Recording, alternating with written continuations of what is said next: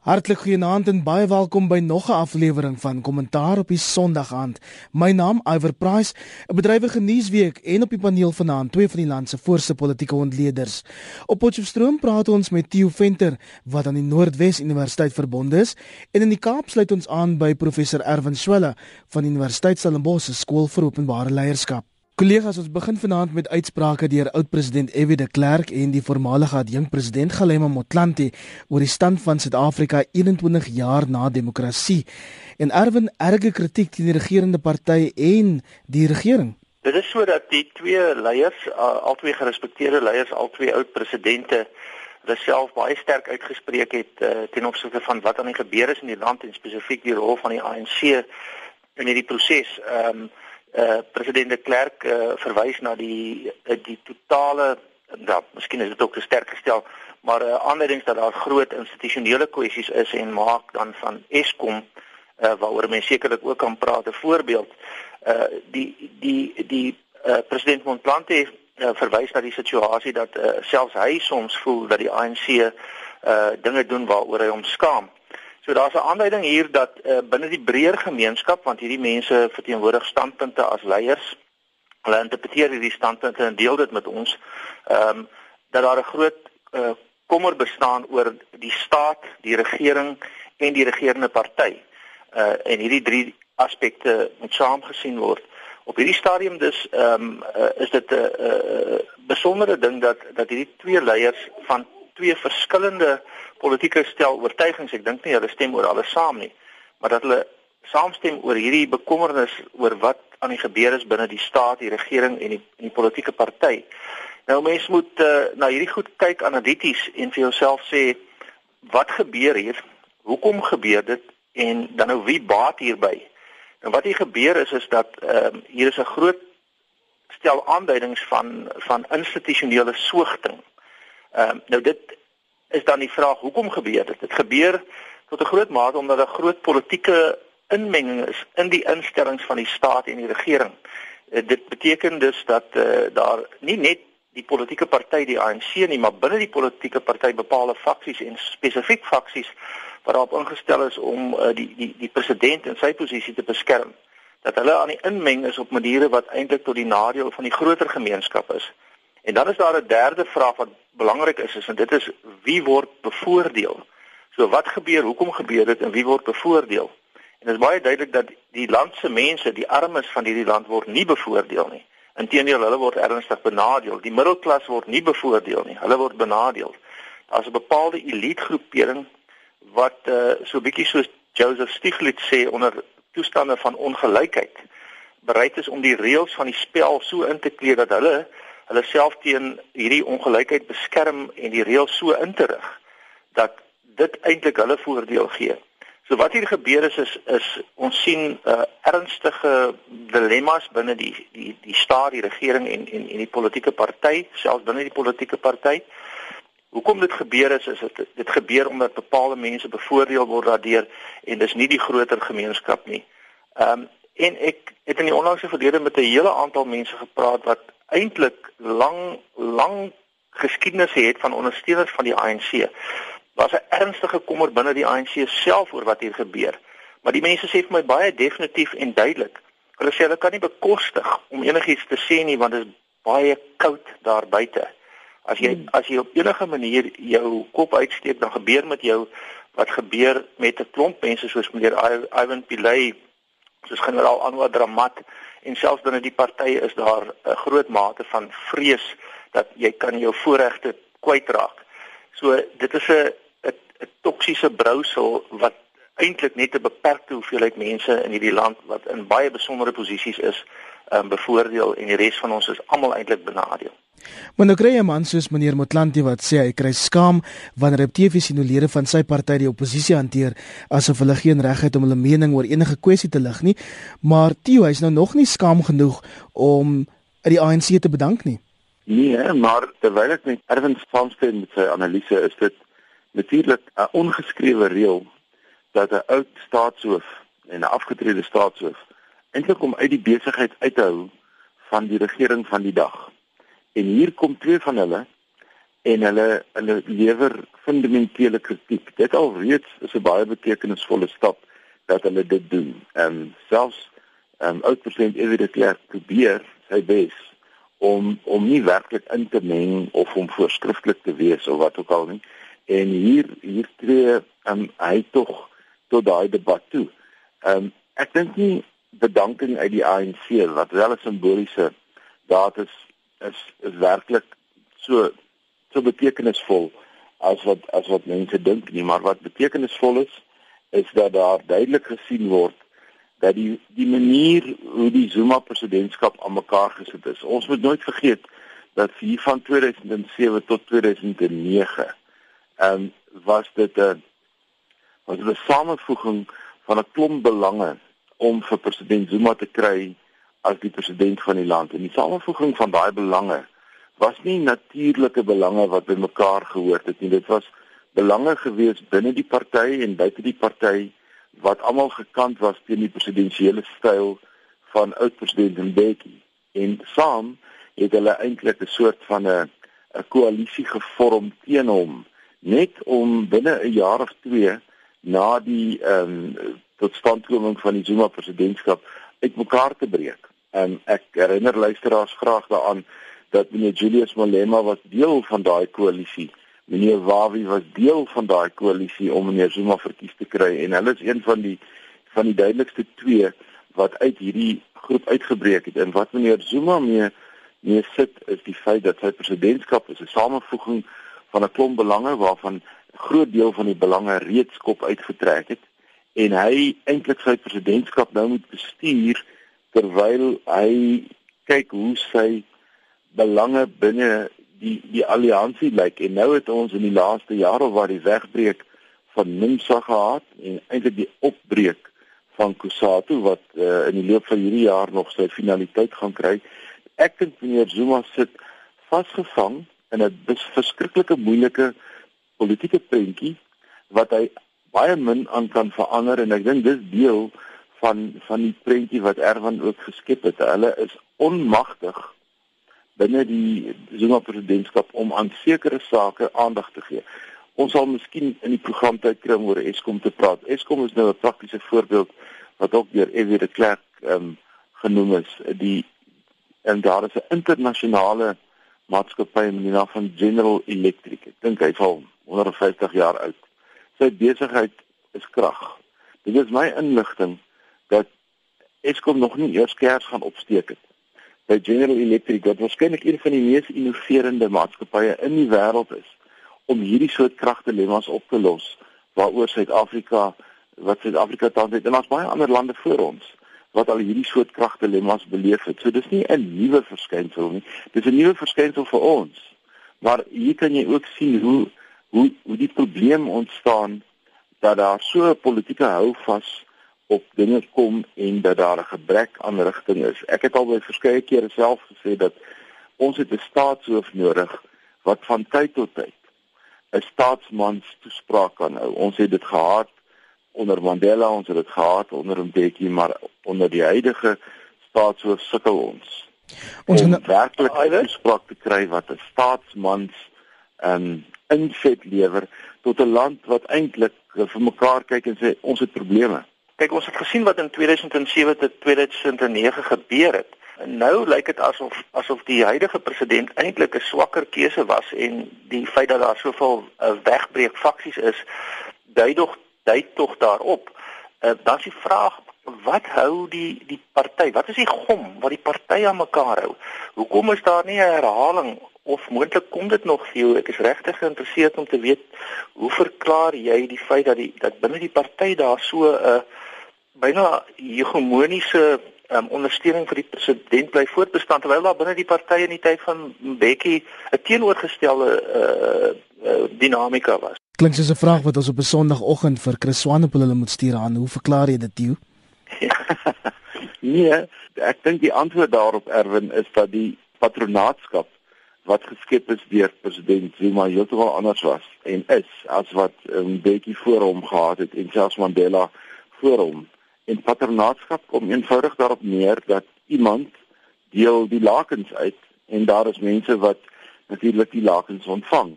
En meneer Zuma um, uh, is is dat meneer Zuma is eintlik 'n interessante figuur.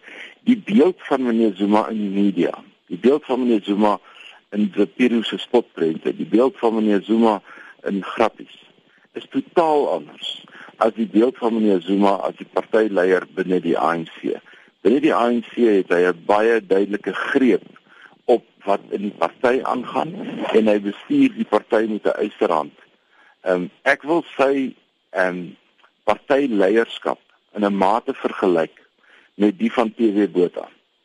Ek het nou onlangs myself die onguns gedoen om Neil Barnard se boek weer te lees, Die Geheime Revolusie, 'n onlangse boek wat verskyn het en die en en in die boek alhoewel hy skryf oor sy verhouding met ehm um, met meneer Mandela hoofsaaklik, is daar baie duidelike strepe wat hy trek oor hoe meneer PW Botha gereageer het en hoe meneer PW Botha opgetree het. Nou hier sit ons met 'n soortgelyke verskynsel.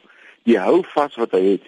Ehm, daar is ten minste twee premiers op die oomblik waarmee hy nie gesprek voer nie, waarmee hy sulke groot uitvalle gehad het dat hy besig is om te kyk na hulle vervanging. En dit is twee premiers wat redelik populêr is en lyk asof hulle groot Zuma ondersteuners is. Maar die gevegte agter die skerms is so intens dat almal verwag 'n kabinetskommeling een of ander tyd. En dat saam met die kabinetskommeling hierdie premiers waarskynlik van hulle poste onthef gaan word.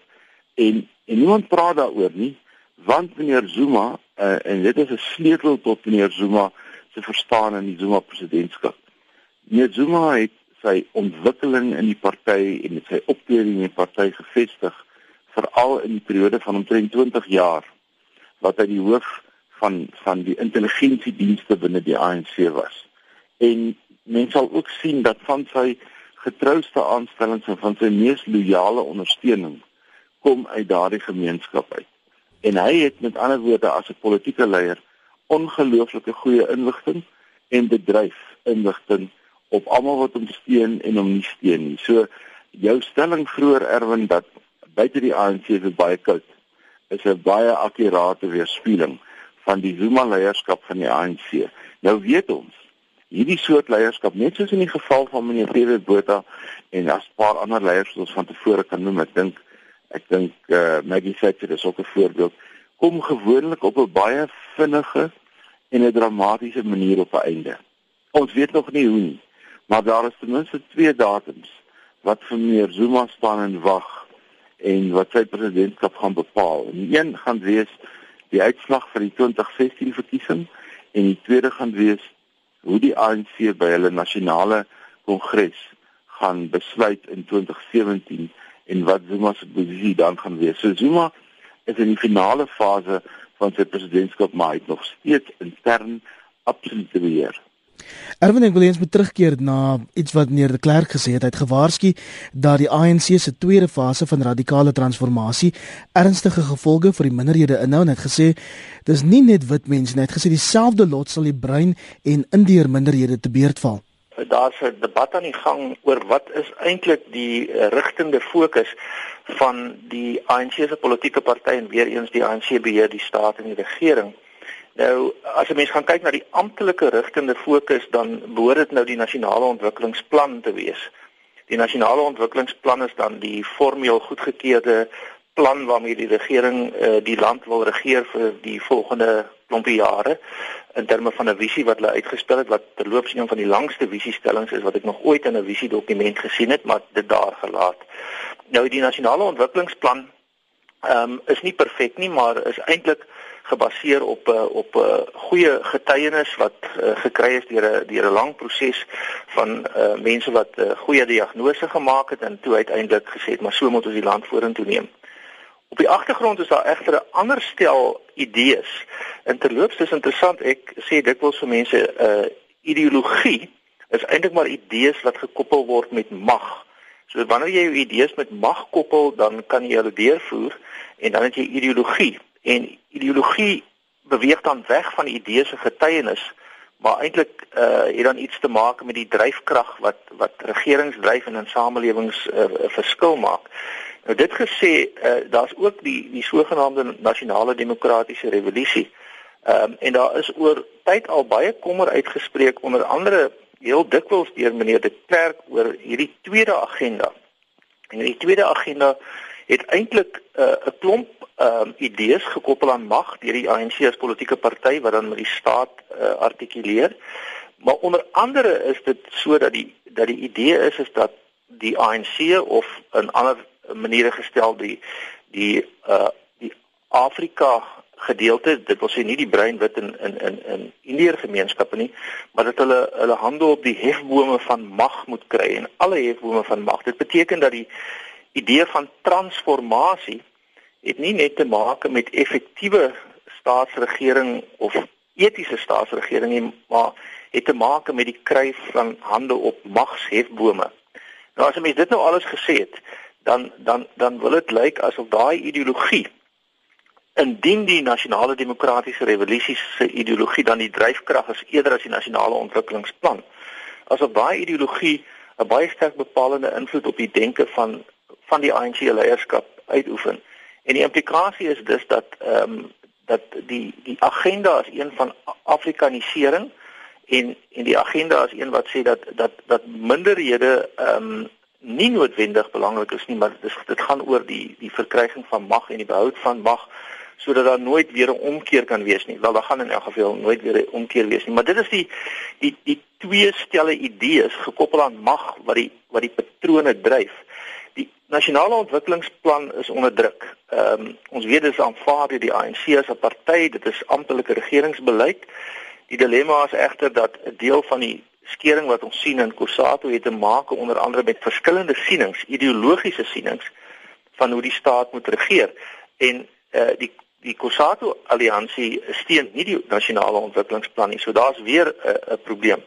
Nou ja, om jou vraag direk te antwoord, um, dis moeilik om te sê of meneer De Klerk se interpretasie presies korrek is want ons sien ook ander tekens. Ons sien byvoorbeeld dat die Suid-Afrikaanse Polisie Diens en die Weermag nou probeer om weer hulle ehm um, hulle samestelling reg te kry vir al in die lae range wat aandui dat hulle tog die idee van verteenwoordigendheid vir ook bruin, swart en uh, bruin, wit en indier uh um Suid-Afrikaanse burgers ernstig opneem. Maar aan die ander kant is hierdie ideologies gedrewe standpunt van van um hande op die magshefbome is is iets wat sterk staan. Ek wil afsluit deur te sê ons het onlangs in een van ons ons by ontbytgesprekke wat ons uh, deurlopend nou hou binne die uh, Stellenbosch se goeie regeringsforum by my skool het ons uh, met regter Elbie Seks 'n uh, gesprek gehad en hy sê nou ja die kritisie van uh van die um, die hele idee van uh die magshefbome van die die uh ideologie wat wat nou te maak het met die nasionale demokratiese revolusie word oorbeklemtoon deur mense soos meneer De Klerk maar daaroor is die jury uit. Jy's reg. Die nasionale ontwikkelingsplan is 'n dokument wat gestroop is van baie duidelike ideologiese oorwegings. Jy lees nie die ideologiese terme in die nasionale ontwikkelingsplan nie en ek dink jy's ook reg om te verwys na die nasionale demokratiese revolusie wat ek nou al spottenderwys het gesê het nog nasionaal nog demokraties nog 'n revolusie is. Maar dit is die ideologiese basis waarop baie van die van die van die leiers in die ANC funksioneer. Die punt waarop ek wil wys hier is iemand is die draer van die nasionale demokratiese revolusie en dan gaan ek net 'n voetnoot maak hier. Dit is nou 'n konsep en 'n term wat baie sterk uit die uit die uit die marxisme leninisme kom en in in die voetnoot wat ek wil maak is vir my vir my geleerde vriende wil ek net noem dit is 'n baie eurosentriese konsep en ek wonder of hulle al daaroor gedink het. Dit is iets wat uit Europa uitkom. Dit is nie net dit is nie net rugby en sokker en opera wat eurosentries is nie. Hierdie konsep en BMW en Rolex horlosies nie. Ja, en maar maar die draer hiervan is in alle waarskynlikheid die SAKP as die as die sogenaamde vanguard party soos hulle hulle graag wil sien. Hulle werk binne die alliansie is om hierdie die die noem dit die ideologiese suiwerheid van die konsep duidelik te hou en konstant oor te dra. Nou vind daar 'n breuk in die alliansie plaas. En dit is duidelik dat die ondersteuners van NUMSA baie duideliker en baie meer eksplisiet is in die ondersteuning wat hulle het vir konsepte soos die nasionale demokratiese revolusie. In die groot vraag wat ontstaan as hierdie skering nou geformaliseer word en as daar op een of ander stadium in die loop van die jaar 'n party gestig word of hulle dan by die EFF aansluit of waar ook al waarheen beweeg die ondersteuners van die nasionale demokratiese revolusie? En wat gebeur as daar 'n oppositiegeleedere 'n sterker kern van duidelik suiwer ideologiese standpunte ontstaan buite die ANC eerder as in die ANC. So behalwe vir die normale politiek waar ons hier praat en die politieke gebeure, is daar filosofies ideologies ook 'n baie groot uitdaging wat daar vir die alliansie lê en wag in hierdie skering waarvan ons praat en dit mag interessante gesprekke tot gevolg hê. In ander nuus, die nasionale tesourier oorweeg dit om Eskom gedeeltelik te privatiseer, ondanks vakbonde en sekere ANC-leiers se besware, maar nou sien ek heelwat kenners wat in die media sê Eskom aandele kan tog veilig opbrengs bied. Erwin, jou reaksie daarop? Die privatisering van Eskom is uh, baie sterk uh, agent op die agenda al vir vir, vir jare. As 'n mens gaan kyk na die hoeveelheid geld wat op die oomblik uit die staatskas bewillig moet word um, en selfs meneer ehm um, uh nou moet ek sê vir die oomblik die minister van finansies meneer Slansla nee nee as ek dit reg het nê Dis reg. Ja. Hy uh, spreek sy ernstige kommer uit oor die impak van van Eskom finansiering op die uh, op die staatskas. So op 'n of ander manier behalwe vir generering van elektrisiteit en generering van inkomste uit elektrisiteit uit sal Eskom anders ander inkomstebronne moet kry. So die implikasie is dus dat jy Eskom kan privatiseer dit sou ook beteken dat daar 'n interessante verskywing plaasvind en dit is dat Eskom dan nie meer in die situasie is dat hulle skeieregter en speler is nie. Daar is baie innoverende oplossings wat 'n mens kan gebruik om Eskom se krag te vervang.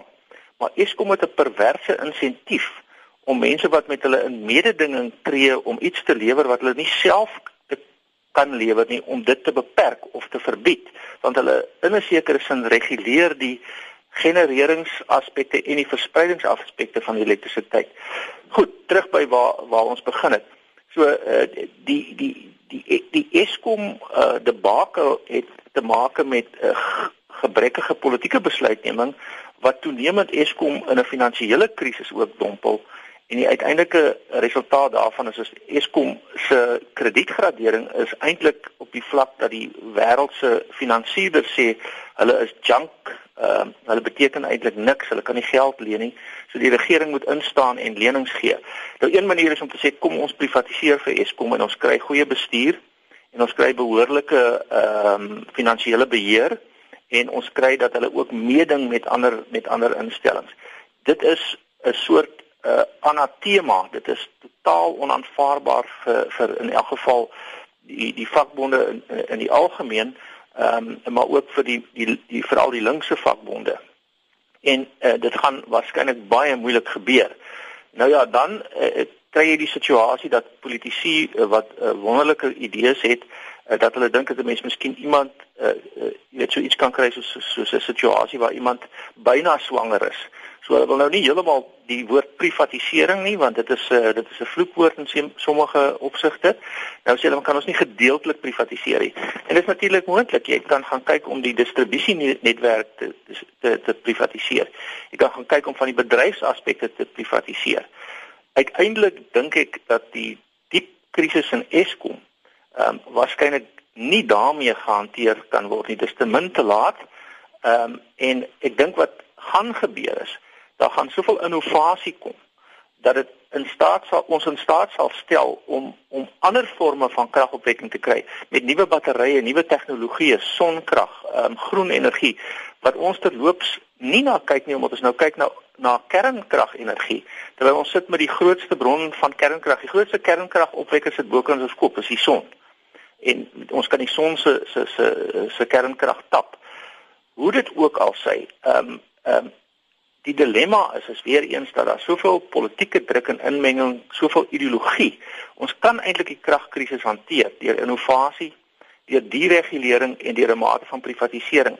Maar dit gebeur ongelukkig nie want daar is soveel middelpunt vliedende en teenstrydige kragte binne die besluitnemingsliggaam liggame van die van die regering en nou betaal ons almal die rekening en die president maak geen presidensiële uitsprake nie. As ons dan nou sê dat Eskom se krediet afgegradeer is tot rommelstatus, wonder 'n mens wie wil nou die beleerde Eskom se aandele of 'n kragstasie koop? Tio. Minister Nene se probleem is eenvoudig. Hy het in die begroting ongeveer 23 miljard rand beloof aan Eskom en om dit te kry het hy gesê gaan hy sekere gedeeltes van Eskom afverkoop of hy gaan sekere ander staatsbates afverkoop en dit lyk asof dit baie moeiliker is in 'n ekonomie wat swak vaar om hierdie staatsbates te verkoop.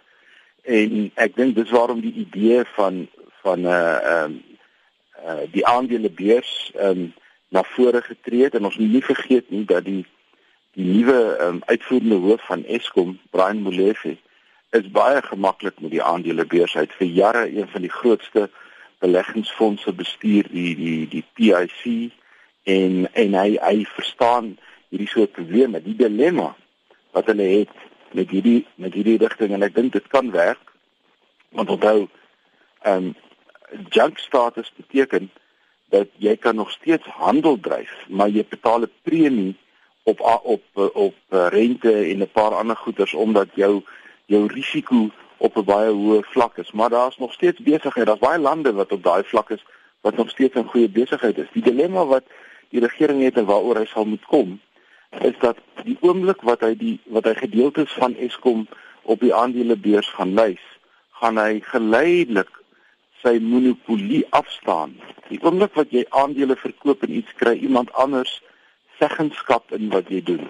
Tot nou toe is die regering die 100% aandeelhouer in Eskom en al verkoop hy 10% of 15% oor 'n paar jaar is dit 27%. By 27% kan die regering nie meer alleen besluite neem nie.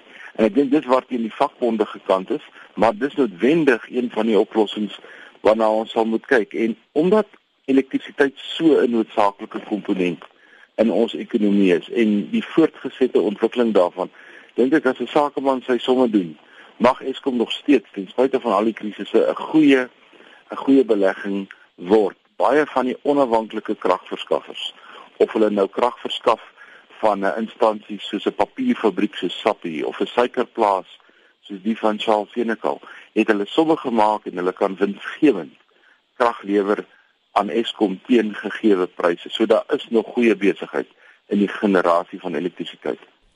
As jy dalk laat mens aangeskakel het, jy luister na 'n kommentaar hier op RSG. In ander nuus, die regering gaan die e-tolstelsel met sowat 700 miljoen rand per jaar subsidieer sodat motoriste aansienlik minder hoef te betaal. Adjunk president Cyril Ramaphosa het 'n nuwe vrystelling van die gewraakte e-tolstelsel vroeër hierdie week by die parlement aangekondig.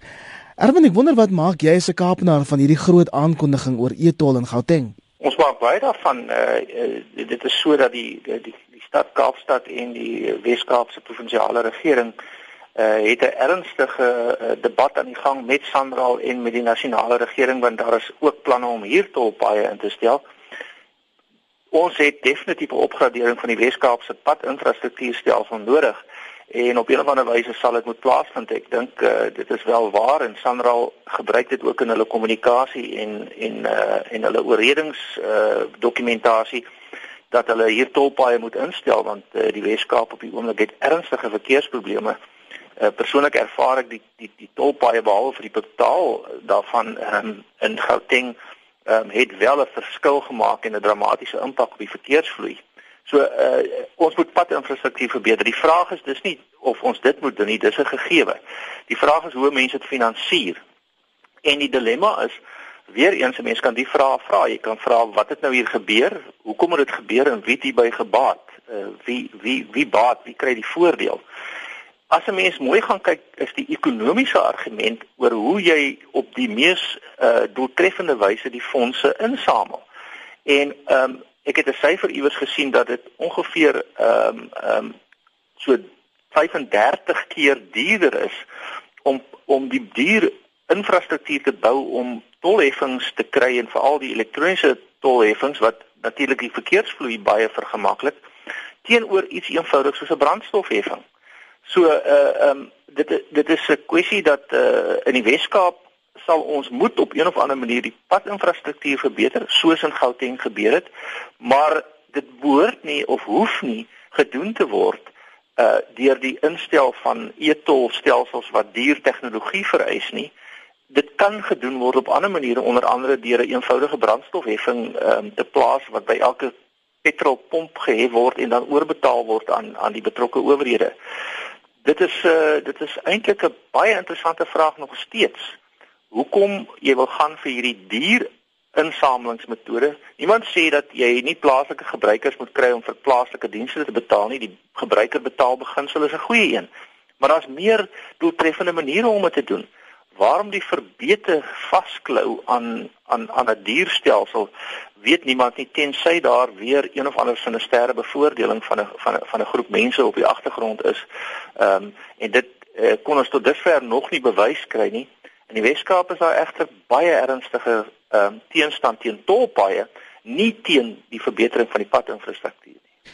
So ons hier in Gauteng gaan nie ons lisensies kan herniet as ons uitstaande etolgeld het nie. Ja, ek dink dit is baie makliker gesê as gedoen deur die adjunkt president en dis nou weer een van die goed wat op sy brood gesmeer is om 'n nasionale dilemma te hanteer namens die president. Um, hy word so half en half 'n Mr. Fix-it van al ons probleme, maar ek dink die fynskrif van wat hy gesê het is nou besig om duidelik na vore te tree dat daar aansienlike wysigings gedoen moet word aan wette. Daar is uh, tans geen beperking daarop om jou lisensie uit te neem in terme van uitstaande boetes en dis meer dit is 'n saak wat in die hof gehanteer is op 'n stadium. Hulle gaan dit moet verander. En ek dink wat hulle moet verander is die is die houding van mense in Gauteng. Dit is duidelik dat die meerderheid Gautengers eenvoudig die stelsel ignoreer en nie die stelsel gaan nakom nie. En daar is 'n daar is 'n probleem wat um, wat toenemend gaan ontstaan en dit is die mense gaan aanhou om dit te ignoreer en mettertyd gaan hierdie ehm um, wit torings wat deur mense ry en in die aand is hulle pragtig pers, dan uh, dit gaan monumente word vir 'n proses wat verkeerd aangepak is en wat nie by nabaat reggemaak kon word nie. En die ANC betaal politieke prys daarvoor uit reeds in die verkiesing uh verlede jaar in Gauteng duidelik 'n prys betaal vir Ethel en dit is uh dit is dit is waarskynlik een van die groot politieke dilemma's volgende jaar vir plaaslike regeringsverkiesings in Gauteng. Ek um, stem met Erwin 100% saam dat die petrolheffing is ook 'n baie meer regverdige manier om die nasionale infrastruktuur want Gauteng se paaie is nie net vir Gauteng se gebruikers nie, dit is vir almal se gebruik. En beter paaie in die Kaap en minder minder opeenhoping van van roetes in die Kaap is dit tot almal se voordeel. Dit is vir die plaaslike voordeel, maar dit is dis die land se infrastruktuur dat 'n petrolheffing dra almal by. Die taxi dra by, die busse dra by, die groot vragmotors dra by en jy betaal relatief en proporsioneel tot jou gebruik baie meer reg. Dis amper soos proporsionele verteenwoordiging in die politiek. Dit is net meer regverdig. Kollegas, die tyd is besig om ons in te haal, maar ons wou nog praat oor adjunk president Cyril Ramaphosa se groot aankondiging maandag dat Danny Jordan, die voorsitter van die Suid-Afrikaanse Sokkervereniging SAFA, by Benfica, die 83-jarige Benfica, gaan oorneem as burgemeester van die Baai. Nou weet ek omtrent almal in die Baai is baie opgewonde, um, want dit is duidelik 'n baie beter keuse. Maar is dit nie 'n stappie af vir meneer Jordan nie? Wat dink jy, Erwin? Nee, Jordan is 'n uh uiters bekwame en uh toegewyde uh hardwerkende leier en en professionele persoon. Dit is baie duidelik dat hy resultate kan behaal. Dit is baie belangrik dat uh vir die inwoners van die stad Port Elizabeth of die hele Nelson Mandela metropool ehm uh, daar 'n absolute behoefte is aan verandering en verbetering. Uh, ons sien die agteruitgang van die omgewing uh, soos ons ook byvoorbeeld in in in Buffalo City sien. So dit is in wese 'n goeie ding dat daar 'n uh, bekwame leierskap kom uh en dat 'n mens dan begin om hierdie situasie om te draai. Dit is ook so Steve nou net gesê het in ons almal se belang. Dit gaan nie net oor oor Elisabeth se se mense nie. En meneer Jordan het die soort vermoëns wat dit kan kan teweegbring. Daar is natuurlik ook 'n klomp vrae oor uh, meneer Jordan se posisie, onder andere omdat hy sy posisie by die Suid-Afrikaanse Sokkervereniging gaan behou.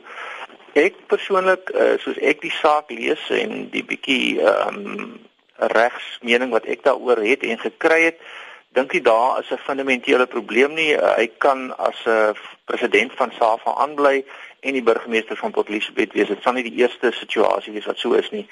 Die ander aspekte het te maak dat daarmee dat uh die die die politieke oppositie in die uh, metropool is baie sterk.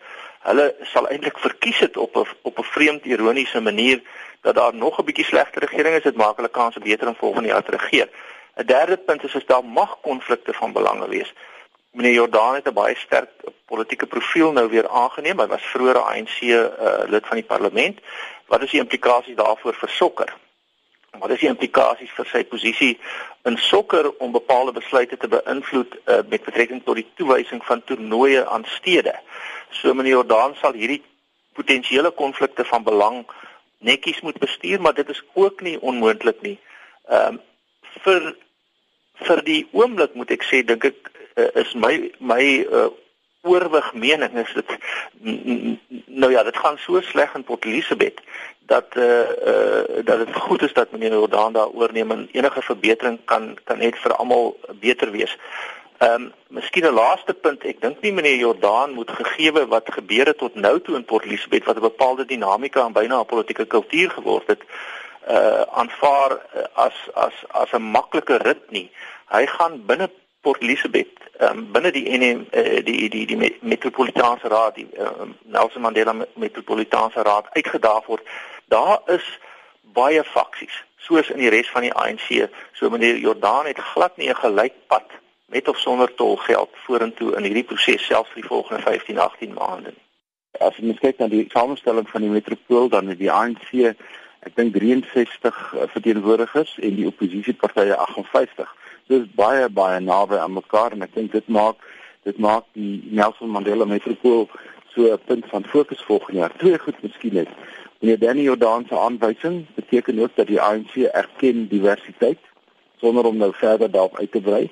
Ehm um, hulle kon enigiemand anders ook gekies het. Die tweede punt wat ek wil maak, alhoewel Erwin reg is dat daar geen botsing van belange reg is nie, hy kan altyd doen, is albei voltydse poste wat 25 ure 'n dag van 'n mens verg en ek weet nie hoe een mens beide gaan volvoer nie want sokker is 'n voltydse beroep um, en vir al die pos wat meneer Jordan ook het ergens op die pad gaan hy 'n keuse moet maak tussen die twee en die laaste punt wat ek miskien net wil afsluit is sy aanwysing wys net daarop dat die ANC besef hoe dringend en hoe noodsaaklik en hoe ernstig hulle politieke dilemma in die baai op die oomblik is. Kollegas, dit bring ons aan die einde van vanaand se kommentaar hier op RSG. Voorens groet daar's heeltyd mense wat vir my vra, tweet ons gaste ook. Gee asseblief julle name op Twitter dat mense julle kan vind.